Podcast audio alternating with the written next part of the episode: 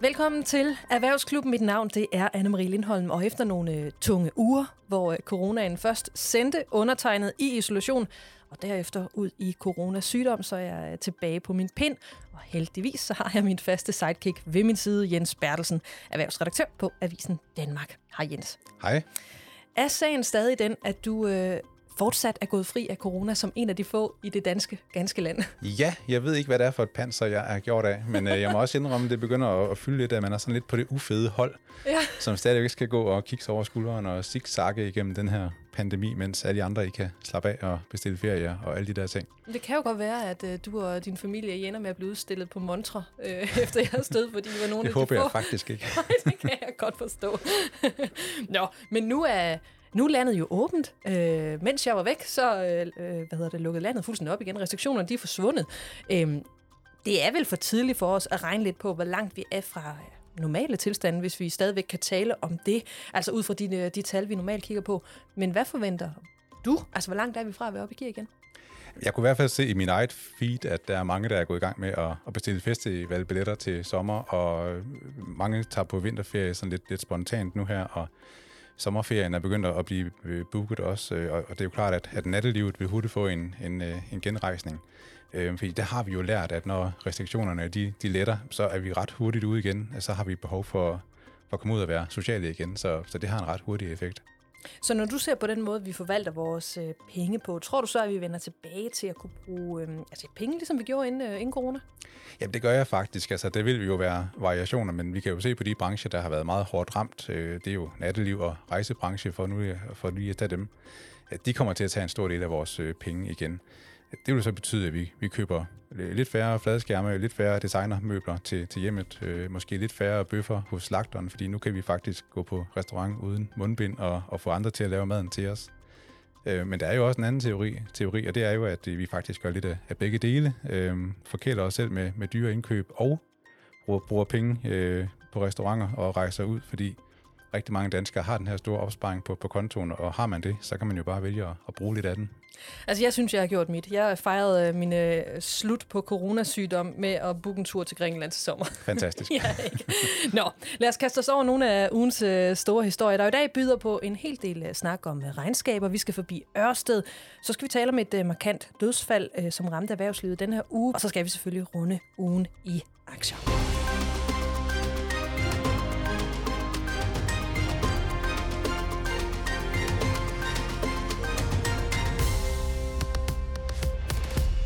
Nu retter vi blikket mod to af de øh, regnskaber, som er udkommet her øh, torsdag, hvor vi optager, nemlig øh, Nordea og Danske Bank.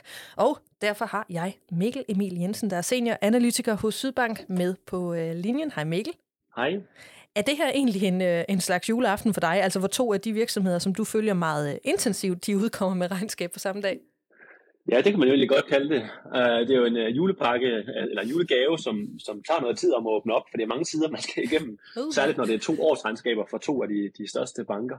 Uh, men vi bliver jo altid gjort uh, klædt, altså, klædt bedre på i form af mere information i forbindelse med sådan nogle regnskaber, særligt omkring årsregnskaberne, også med nye prognoser osv. Så, videre.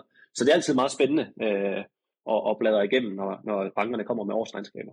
Jamen er det så det? Lad os lige tage dem en for en. Altså hvad, hvad er det spændende? Hvad er det, du har bidt mærke i i, øh, i regnskabet fra, fra Danske Bank? Jeg plejer jo sådan at dele det lidt op i, i to dele. Det ene er jo ligesom, at vi skulle gerne se, at de kom godt igennem øh, 2021. Øh, og den anden del, det er jo så at kigge på prognosen ind i 2022. Og når vi kigger på, hvordan de klarer sig igennem 2021, jamen så ser det øh, fornuftigt ud for, for begge banker, både for Danske og for, for Nordea. De får egentlig sat en, en fin sløjfe på, på 2021 med, med god fremgang i, i, i, øh, i kerneindtægterne. Der hvor Danske Bank de skuffer lidt, det er lidt på, på omkostningssiden, som, øh, som plager dem lidt. Men til gengæld så er nedskrivningerne øh, stadigvæk meget, meget, meget lave. Øh, og det sikrer altså faktisk en lidt bedre bundlinje, end, end man havde regnet med.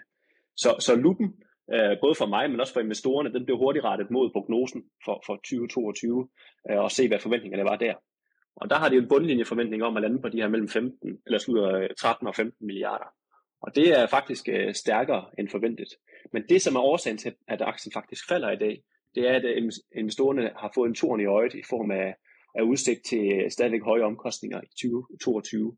Og, og det bekymrer dem nok lidt i forhold til, om Danske Bank kan nå i mål med deres langsigtede forventninger. Øh, og det, det er årsagen til, at den, den falder i dag, selvom at prognosen egentlig i min optik øh, er godkendt øh, overordnet set.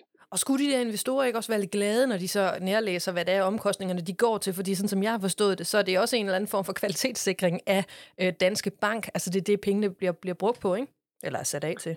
Jo, jo men, men der er investorerne også øh, nådesløse. Øh, de kigger jo på, hvad der kan leveres af, af, af pengestrømmen øh, til dem. Øh, så når pengene bliver brugt på at udbedre øh, hvidvask og, og møgsager, øh, så er det selvfølgelig nogle penge, som i et eller andet omfang jo bliver taget fra dem. så selvom det selvfølgelig er, er med udgangspunkt i at, det, at, at sikre, at øh, og andre møgsager ikke sker igen, hvilket jo er absolut afgørende for, for Danske Banks fremtid, øh, så er det måske sådan lige i første øjekast, eller lige ved første øjekast, og sådan, når man lige tager de første øh, indtryk af egenskabet, øh, så er det nok en skuffelse, at, at omkostningerne ligger på de niveauer, som, som de gør. Ja, nu, nu kan jeg ikke lige finde den frem. Jeg stod ellers lige og slog øh, aktiekursen op her fra, øh, her fra Danske Bank. Men da jeg gik i studiet, der lå den i hvert fald ret lavt, øh, ret lavt nede. Jeg så op til regnskabet. Der var nogle analytikere, der var ude og undre sig lidt over, at Danske Banks øh, aktiekurs, øh, den, den var lidt lav, mente de. Og nu er den så bare blevet endnu lavere. Altså, hvad er din anbefaling på aktien, og, og hvordan ser du den øh, fremadrettet i forhold til, øh, til det her regnskab? Jeg er overvejende positiv på Danske Bank. Jeg har en købsanbefaling på den, øh, så jeg er også enig i, at, at kursen er for lav. Der er ingen tvivl om, at Danske Bank de har de udfordringer, de har, og der skal også løbes stærkt øh, og leveres, øh, hvis de skal i mål med de øh, målsætninger, de har for 2023. Men når jeg regner på det, øh, og lægger tingene sammen og trækker lidt fra, jamen så kan jeg se jo, at jeg, øh, ikke, at jeg vurderer i hvert fald ikke, at markedet indregner, at Danske Bank kommer i mål med de her finansielle målsætninger. Og hvis vi så samtidig også kunne få afklaret Estland-sagen og få den her bøde afgjort og få sat et punktum, jamen så ser jeg egentlig, at der er et øh, ret godt øh, potentiale for, at, øh, at aktien kan komme højere op. Så, så hvis vi kan få bøden afgjort, få sat et punktum der, og de samtidig også kan levere på de langsigtede, langsigtede mål, så, så, er bak, så er aktien for billig på nuværende tidspunkt. Mikkel, hvordan, hvordan regner man det ind i aktiekursen på Danske Bank, at de stadigvæk har det så svært med deres privatkunder? Her tænker jeg både på det, de selv skriver, at deres kundetilfredshed er, er for lav, øh, men også den voksmeter-måling, mm. der kom ud onsdag og viste en markant bundplacering ja. til Danske Bank, og at det faktisk bliver, bliver værre, end det, end det har været. Øh, og man kunne jo sige, at, at øh, det, det overrasker måske, når man tænker på, at, at det er ved at være tid siden, at vi har hørt om nye skandaler fra, fra Danske Bank. Ja, det er rigtigt. De mister også stadigvæk kunder, primært øh, privatkunder. Det er ikke så slemt på erhvervskundesiden. Øh, og dermed er det indtjeningsmæssigt heller ikke sådan en helt stor øh, katastrofe. Det er selvfølgelig en, en prop, der skal sættes, eller et hul, der skal sættes en prop i, og det regner Danske Bank jo, jo sådan set også med. Øh, men jeg er egentlig ikke så bekymret for, for den her øh, øh, strøm af mennesker, som, som forsvinder øh, fra banken, da det stadigvæk er på et niveau, hvor det ikke sådan har øh, voldsom indflydelse på, på, på indtjeningen. Det, som bekymrer mig lidt mere, det er, når man kigger fremadrettet i de næste år med de her image-problemer, som vi har. Og når der står nye kunder, private såvel som erhvervskunder, og skal vælge en bank, hvad for en bank vælger det så? Og der kunne jeg godt have min tvivl om, om Danske Bank står øverst på den liste. Det gør de jo tydeligvis ikke i forhold til de undersøgelser, som, som bliver lavet. Så i forhold til at sikre væksten fremadrettet, øh, så kan jeg godt øh, være bekymret for, om de her emsproblemer øh, giver, giver modvind øh, flere år frem. Øh, så, så det er mere det, jeg bekymrer mig om, øh, end det er øh, ekstra antal kunder, der forsvinder lige på nuværende tidspunkt. Så lad os øh, drible videre til, til, noget, til Nordea. Hvad bider du mærke i øh, her? Øh, som jeg nævnte lidt før, så er Nordea også øh, et godt regnskab, øh, som, som de kommer med. Jeg synes faktisk, det er et stærkt regnskab på, på mange områder. Jeg skal virkelig grave dybt for at finde øh, hårene i suppen her. Igen, som jeg nævnte, fjerde kvartalsregnskabet, altså de får fat, sat en fin sløjfe på, på 2021 med, med højere end ventede indtægter, lave omkostninger og også lave nedskrivninger. Øh, de kommer også med højere udbytte end, end forventet. Så en, en fin afslutning på, på 2021, og de har så stadigvæk et meget solidt momentum Øh, kommer udlånsvækst og fremgang i kapitalen under forvaltning. Og det er altså et momentum, som de regner med vil fortsætte ind i de, øh, i de kommende år. Fordi når vi ser på øh, den langsigtede prognose for 2025, der siger de, at de kan levere en egenkapitalsforretning på over 13 procent.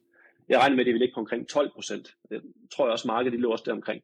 Og, og det indikerer altså, at, at øh, Nordeas øh, langsigtede indtjening vil være et stykke over forventningerne. Det er samtidig også en indikation på, at de vil have hård hånd omkring deres øh, kapital. De er jo yderst velkapitaliserede. Nordea en af de bedste kapitaliserede øh, banker i, i, øh, i Europa. Og derfor er der også plads til, at de kan udlåde øh, penge til, til investorerne. Det bliver de også nødt til, hvis de skal levere over, over 13 procent i egenkapitalsforretning. Så alt i alt øh, et regnskab, som øh, øh, hvor der er meget langt mellem hårene i, i, i suppen fra Nordea. Men hvor ligger de hen i forhold til de bekymringer, du lige var inde på til sidst, da vi talte øh, om, om Danske Bank, altså med kundetilfredsheder? Står de langt stærkere i forhold til det her privat kundesegment? Øh, de står stærkere, ja. Vi, vi ser jo generelt, at øh, Nordea, nu kigger jeg sådan på volumevæksten som helhed, at Nordea også i det her kvartal tager, tager markedsandelen, når vi kigger på hele Norden, det vil sige både i, i Danmark, Norge, Sverige og Finland, øh, som samlet set, så tager de stadigvæk markedsandele og vokser altså mere end, end, end markedet. Og det, øh, det er stærkt og, og, og et direkte resultat af den stærke strategiske eksekvering, som de har leveret de seneste år øh, med Frank Wang Jensen i, i, i spidsen. Og det regner de jo så også med at kunne fortsætte med ind i, øh, eller frem mod 2025. Og, og det skulle altså gerne sikre den her stærke ankersagsforretning på over 13 procent. Og når jeg kigger på det i forhold til, til andre nordiske øh, banker, lad os tage store svenske øh, banker og store nordi, øh, øh, norske banker, så begynder Nordea altså nu at være der, hvor de kan konkurrere direkte med dem indtjeningsmæssigt. Og alligevel så handler Nordea billigere. Så jeg ser altså også, at der er et uh, solidt potentiale i, uh, i Nordeas aktie uh, i, de, i de kommende år. Så din anbefaling, det er hvad? Jamen, det er en køb på, uh, på Nordea. Jeg synes netop Nordeas uh, momentum, som de har i øjeblikket, med stærk fokus også på omkostninger og udsigt til stærk udlodning også. Vi, lige for at tage det, så, så uh, nævnte jeg jo, at udbyttet ligger lidt højere for, for 2021 end, end forventet. Og samtidig så har de også en forventning om, at, at endnu et aktiebagkøbsprogram bliver accepteret af, af, af EBA nu her øh, inden længe. Og, og det bliver altså også sendt ud til, til investorerne, formentlig omkring en milliard euro, vil jeg mene. Øh, så, så der er øh, udsigt til stærkt bankdrift og forkælelse til investorerne øh, i de kommende år, min optik, når vi kigger på, på Nordea, som er, er en af mine top picks, når vi kigger på, øh, på bankerne generelt i Norden. Og lige præcis det med bankerne generelt, altså er det det, er det, det du forventer dig af de kommende år? Altså bliver det et godt sted at sætte sine, sætte sine penge, fordi de får lidt nemmere ved at, ved at tjene penge de kommende år? Der er ingen tvivl om, at øh, der er sådan en, øh, en spirende optimisme, også spore generelt, øh, også hos bankerne selv. Når vi kigger på prognoserne for, for, for 2022, så er der flere af bankerne, som har nævnt, at øh, volumefremgangen øh, virker øh, overvejende positiv, at øh, flere virksomheder kigger mod øgede investeringer, og så vil der også komme noget medvind fra et finansiering af de her hjælpepakker fra, fra staten, som skal genfinansieres formentlig i bankerne. Og det, det giver altså noget mere medvind på, på, på udlånssiden.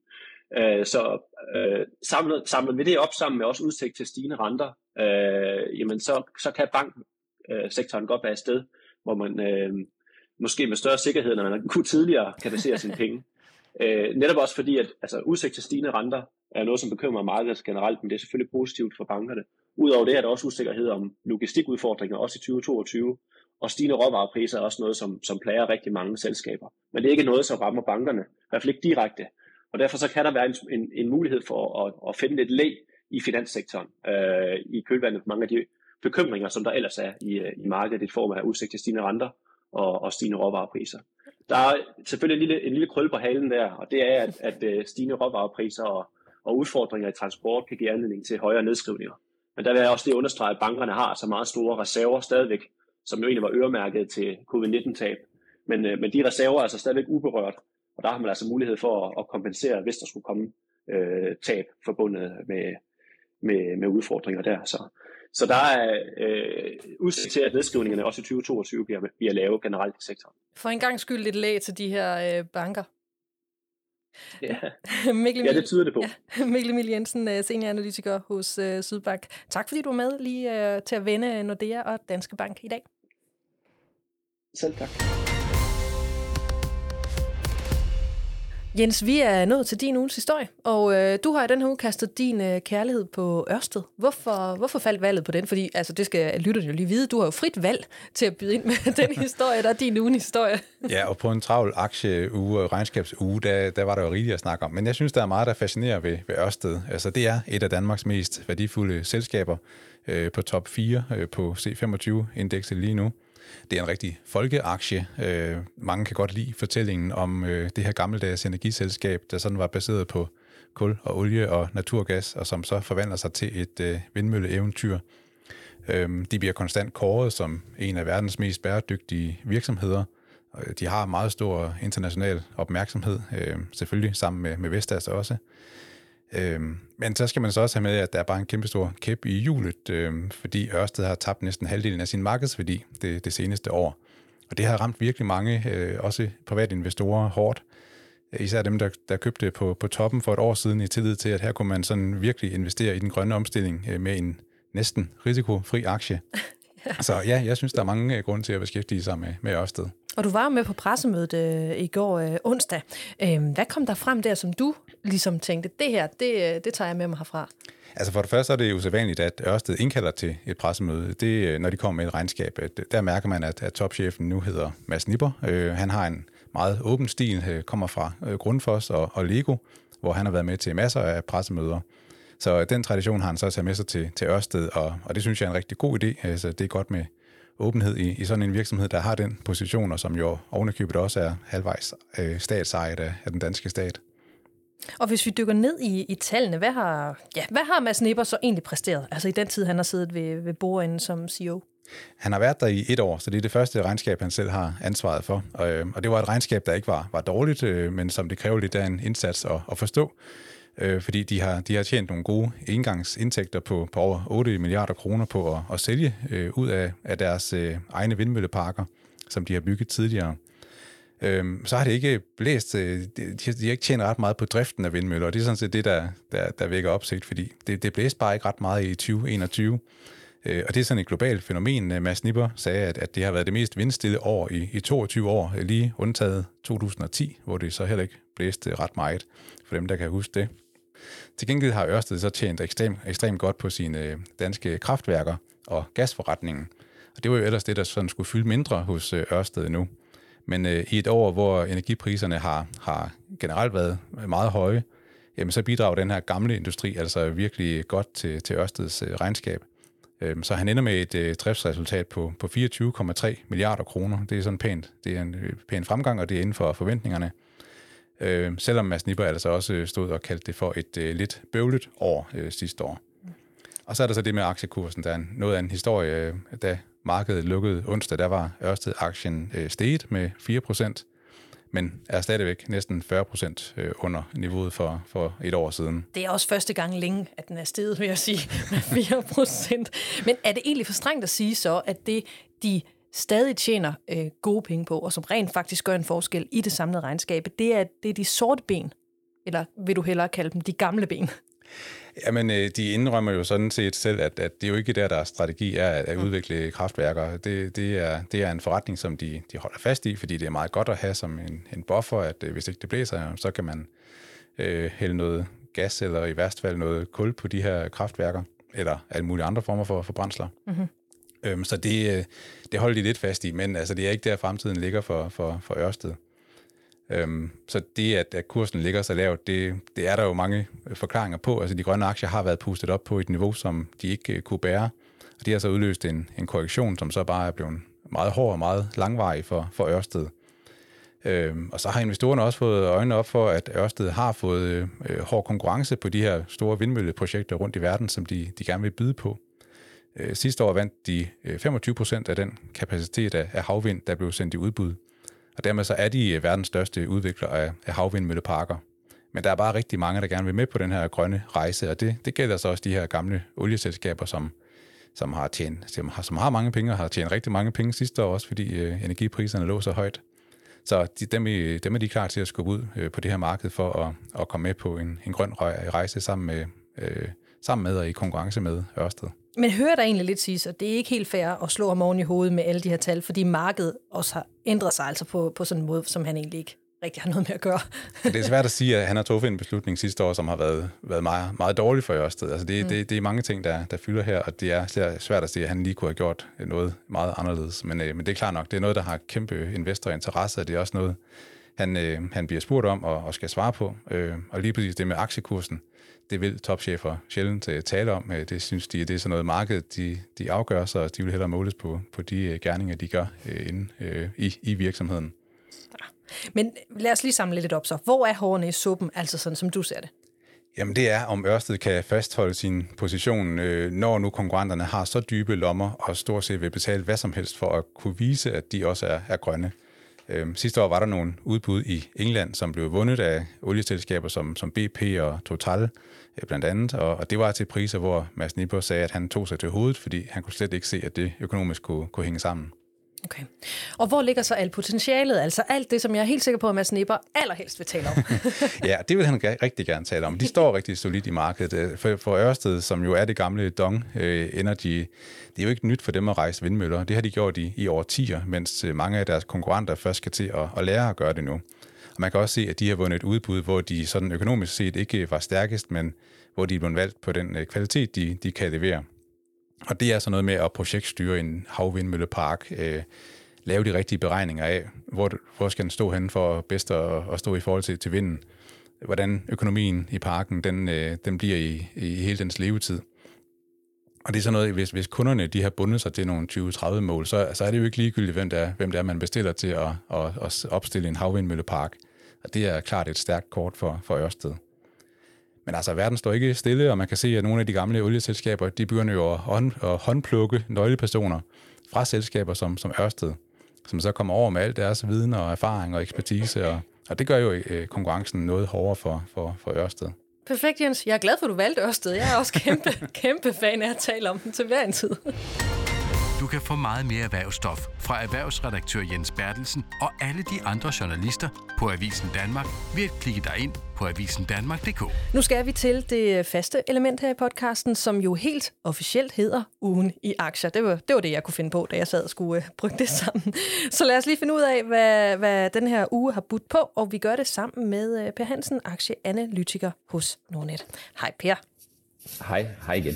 Ja, det første spørgsmål giver lidt sig selv. Øh, hvad har den helt store overskrift i den her uge været?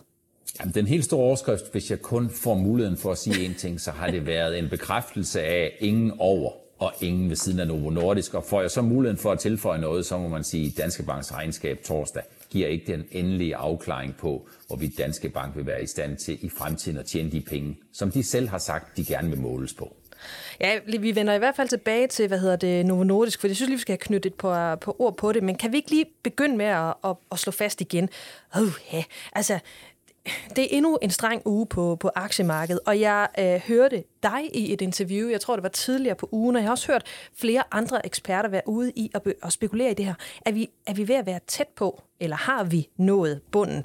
Øhm, og hvad er din vurdering der? Altså, har vi ramt bunden nu, og er vi sådan gradvist begyndt at tage de, få, øh, de små spæde skridt opad, eller skal vi længere ned? Jeg tror, vi så kortsigtet, der tror jeg, vi så de laveste niveauer i sidste uge.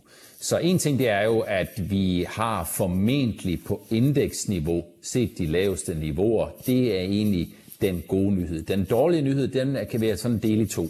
For det første, så kan man sige, at noget af det, der trækker indekset opad, noget af det, der trækker fornemmelsen opad, det er jo Novo Nordisk og Novo Nordisk regnskab. Og det betyder ikke nødvendigvis, at alle bådene de kommer til at sejle i smult vande igen, og bådene her, det er de øvrige aktier, de øvrige større og mindre aktier i Danmark. Det er den ene ting.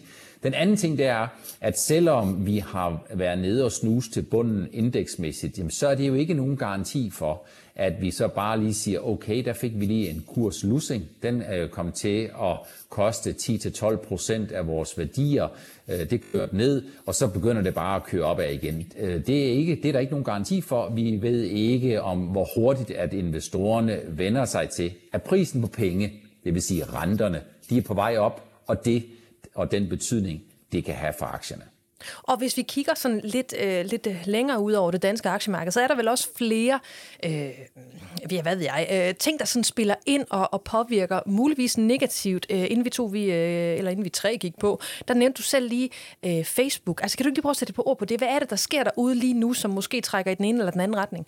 Jamen, vi kender jo, de fleste af os bruger Facebook, og vi ved jo, hvad et opslag det er. Og Facebook, de har lavet et opslag, det gjorde de efter deres øh, regnskab i den her uge, efter deres regnskab onsdag, hvor de siger til investorerne, øh, at øh, 2022, det bliver altså et år, der byder på lavere vækst. Det bliver et år, hvor man skal investere. Og det betyder altså, at investorerne de skal se frem til, eller de er i hvert fald nødt til at forberede sig på, at verden ser lidt anderledes ud. Når, når Facebook gør det, så får det en konsekvens, ikke kun for de amerikanske IT-aktier, ikke kun for øh, de amerikanske vækstaktier, men det er også sådan noget, der giver dønninger rundt omkring, øh, i verden, fordi sådan som verden så ud efter Facebooks annoncering onsdag, jamen så ser det ud som om vi her torsdag skal starte ud på et niveau for Facebook-aktien, eller Meta som den hedder, som ligger 20% lavere end der, hvor vi egentlig sluttede onsdag. Og hvis det viser sig at holde, jamen så tror jeg, at investorerne i det generelle tilfælde godt kan se, at der er kommet gode regnskaber fra Microsoft, og fra Apple og fra Google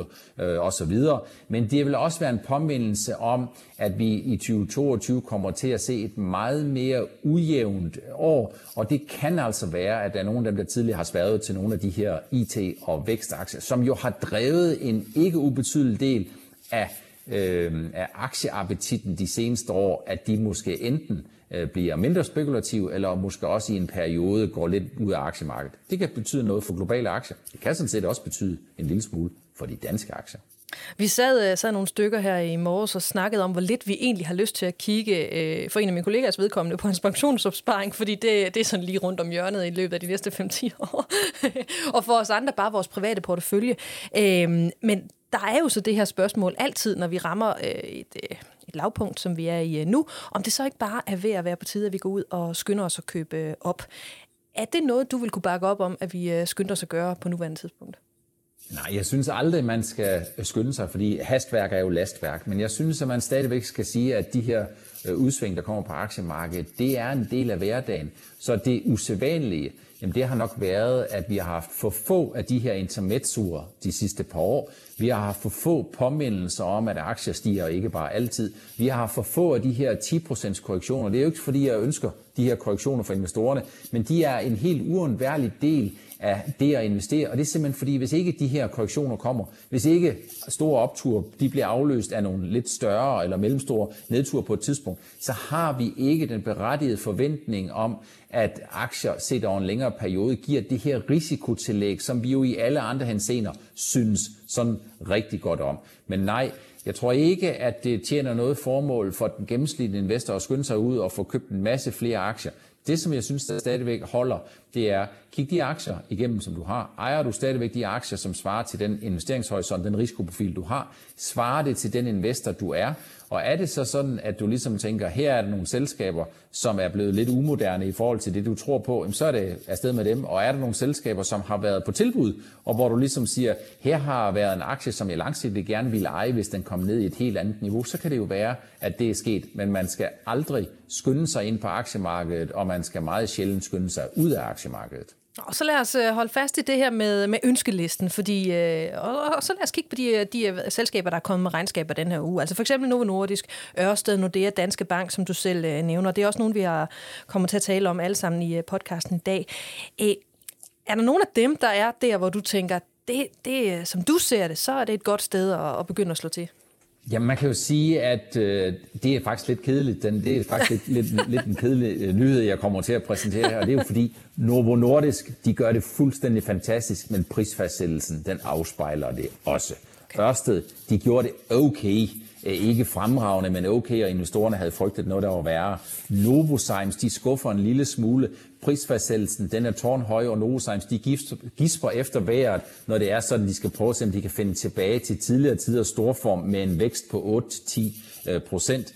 Danske Bank tegner ikke rigtig billedet af, at øh, investorerne tør købe ind på, at de om bare 20 måneder, nemlig ultimo 2023, har aflagt et regnskab, som kan præstere en egenkapitalforretning på et sted mellem 8,5 og 9 procent. Når DEA leverer et rigtig godt regnskab, de leverer frem mod 2025 en meget aggressiv målsætning, men alligevel så er investorerne ikke sådan for alvor i jubelhumør over, over det. Så man kan sige, det, øh, som øh, klarer sig super godt, jamen der er prisfastsættelsen faktisk tårnhøj.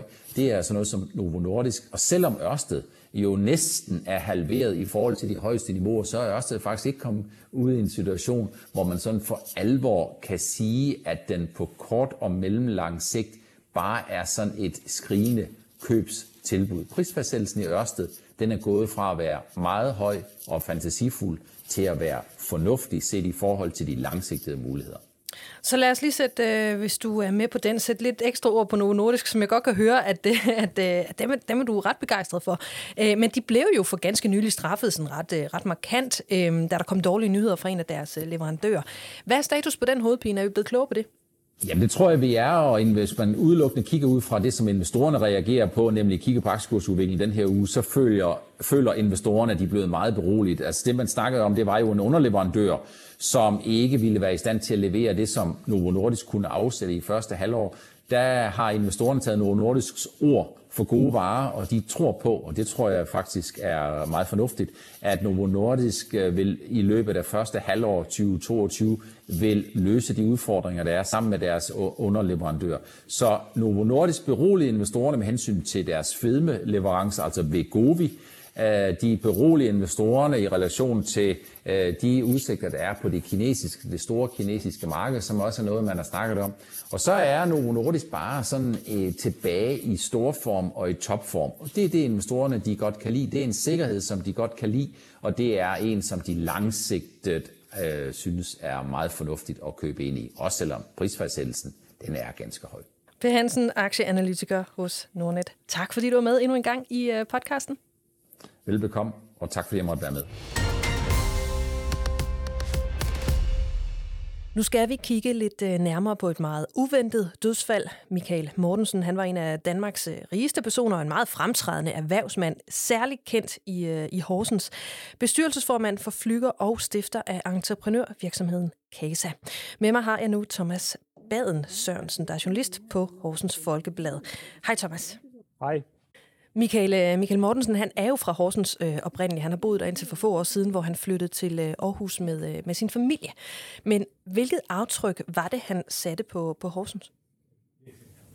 Han satte et helt enormt aftryk. Øh, I de første mange år, der lavede han jo nærmest en typehusrevolution. Øh, sammen med andre, skal jeg skynde mig at sige. Men Horsens blev jo øh, ja, op gennem 90'erne og i starten af 0'erne typehusenes hovedstad. Øh, kort forklaret, så handler det jo om, at man at man kunne få prisbillige huse, øh, samtidig med, at man faktisk først betale for dem, når man, øh, når man flyttede ind. Og det især i, i årene omkring finanskrisen var det faktisk et ret vigtigt parameter, øh, i og med, at der var rigtig mange små øh, håndværksmester og tømmermester, der gik, der gik ned med flaget, og så stod folk måske med halvfærdige huse. Så der, det var simpelthen en, en revolution af det marked.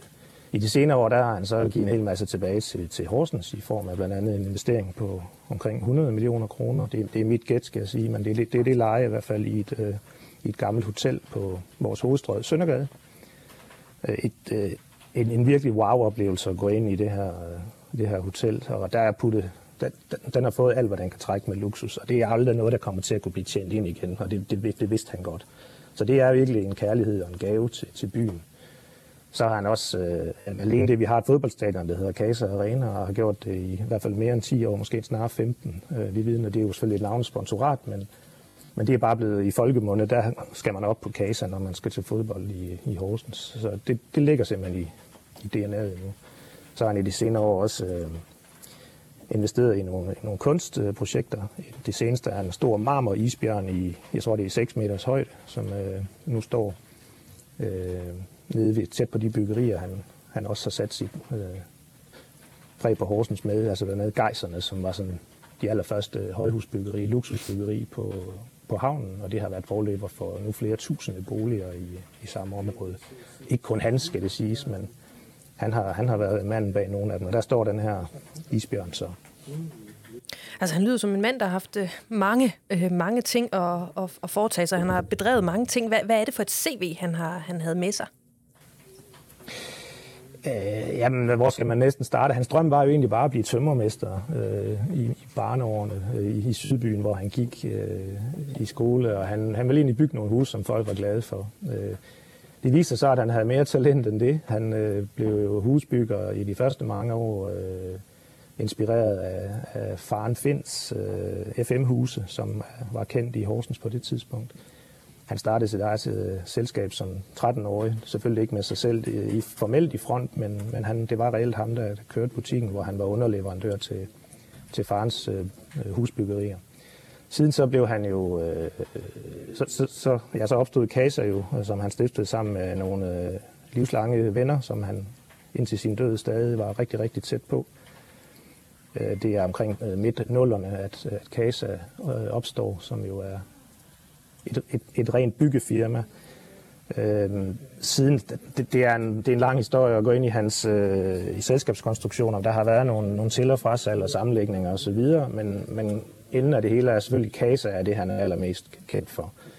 Siden øh, kom ejendomsselskabet Casa også til, og det er især interessant, øh, fordi det er der, man går ind og, og for eksempel renoverer et hotel, som jeg var inde på før, øh, simpelthen går ind og investerer i, i, i ejendomme, hvor man kan sige, at Casa, entreprenørdelen er ren byggeri, og så er man, så er man sådan set ude igen.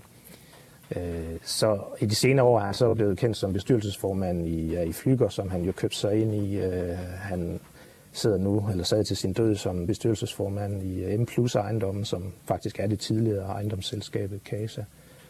Øh, han slog sig nok mere op som en, en investor her i de, i de sidste seneste år. Øh, det er jo ikke fordi, selvom man, når han, man, man kigger ned over hans navn øh, i et øh, i virksomhedsregister, der vil han fremgå øh, med mange selskaber, men det er jo ikke fordi, han, han spredte investeringerne i vildskab. Det, det var centreret meget om det østjyske øh, Aarhus, Horsens, Vejle, øh, og så kan man så sige Casa, som han jo så øh, kom endelig ud af sidste år, øh, bygger jo i hele landet øh, stadigvæk, og derfor vil mange nok kende øh, Casa-flaget, eller hvordan det nu bliver markeret rundt omkring. Hele bydelen i København er jo bygget af, af Så rigtig meget en Horsens mand, østjysk, øh, funderet i forhold til, til hans fokus, men i virkeligheden havde han, havde han projekter og sat ting i værk, øh, byggerier over hele, øh, over hele Danmark. Du og, øh, du og journalisterne på Horsens Folkeblad, I har jo skrevet om ham af den her grund jo blandt andet meget ofte. Hvordan oplevede I ham som, øh, som kilde? Jamen, han var ikke typen selv, der ringede med nyheder, øh, men meldingerne fra, ja, fra kollegerne, når vi sådan taler om ham, det er, at han var venligere nede på jorden, når man så kontaktede ham. Øh, han så ikke selv behov for for eksempel at, at brage regnskabstal ud i medierne, og han kommenterede helst heller ikke på tallene. Omvendt erkendte han også, at det var, det var medievirkeligheden, og på den led var der aldrig negative kommentarer efterfølgende, når vi havde skrevet om regnskabstallene. Øh, så på den led et, et, et, ordentligt, et ordentligt menneske, øh, som egentlig befandt sig bedst med, øh, med t-shirten og arbejdstøjet på, tomstokken i lommen, var aldrig øh, øh sådan, hvad skal man sige, jakkesæt-typen, øh, manden på de bonede gulve. Han, han tog det til sig med årene, er mit indtryk. Øh, ikke nødtvunget, men det blev en del af, det blev en del af virkeligheden i, i, i kraft af de bekendtskaber, han, han fik øh, i, både i erhvervsliv og andre øh, cirkler. Så, men, men han, var, han var bedst tilpas på byggepladsen, øh, helt nede blandt øh, helt almindelige mennesker. Mm. Øh, jeg skal sige, at i de senere år har vi haft øh, vi har en, en sag øh, i Horsens omkring et havnebad, som han har øh, jeg skal sige, doneret til byen, i hvert fald delvist, et, et, et stor investering i, i et havnebad, som en del formentlig kender både fra Aarhus og, og København, samme stil. Det har ligget stille nu i et års tid, det byggeri. Øh, altså tæt på færdigt, er indtrykket. Der har været lidt polemik. Og det har givet sådan lidt støj på, på linjen i det, seneste år til halvandet, det skal vi være ærlige at sige. Også i forhold til forholdet til, til den lokale avis. Men, men han, var, han var meget vældig, ikke sandt? Altså inden vi gik på, så fortalte du mig lige, at han, har et, øh, han havde et helt særligt forhold til, til især sine, øh, sine ansatte. Øhm, kan du ikke lige prøve at tage den historie en gang til, så lytterne lige kan få den med? Jo, det kan jeg i hvert fald. Altså, der sker jo det, at, øh, at i, i, i 2021, der bliver hans sidste ejerandel øh, af Kasa øh, solgt til en øh, tysk kapitalfond. Og der lå det ham meget mere på sinde, at øh, i stedet for at han kunne se millioner rulle ind på egen bankbog, der lå det ham virkelig på sinde, at, at, at de medarbejdere, de trofaste medarbejdere, han har haft i mange år, som havde medarbejderaktier, pludselig fik øh, for nogens vedkommende øh, livsomvæltende øh, formuer øh, for det her aktiesalg. Og den glæde betød meget mere for ham, end, end at, ja, at bankbogen selv, øh, eller bankbog, hans egen bankbog voksede. Så det siger meget om, om det, vi hører øh, også her efterfølgende om hans menneskelige side. Jeg har set flere opslag her, der har været utallige.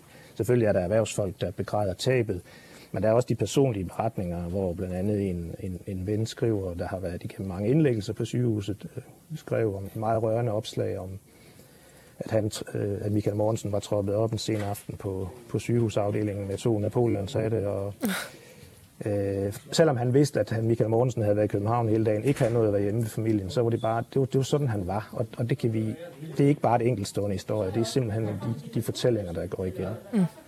mennesket før murstenene, som han selv sagde. Det, det, det dækker ham meget godt ind. Og det er jo en, en sørgelig historie. Altså, manden blev 49 år. Det er, det, det er heldigvis det, der sker for de, for de færreste. Men der er jo sådan set sket noget lige, øh, inden vi to vi gik i studiet for at tale om det her i forhold til dødsårsagen. Altså, vi er blevet lidt klogere på omstændighederne, er det ikke rigtigt?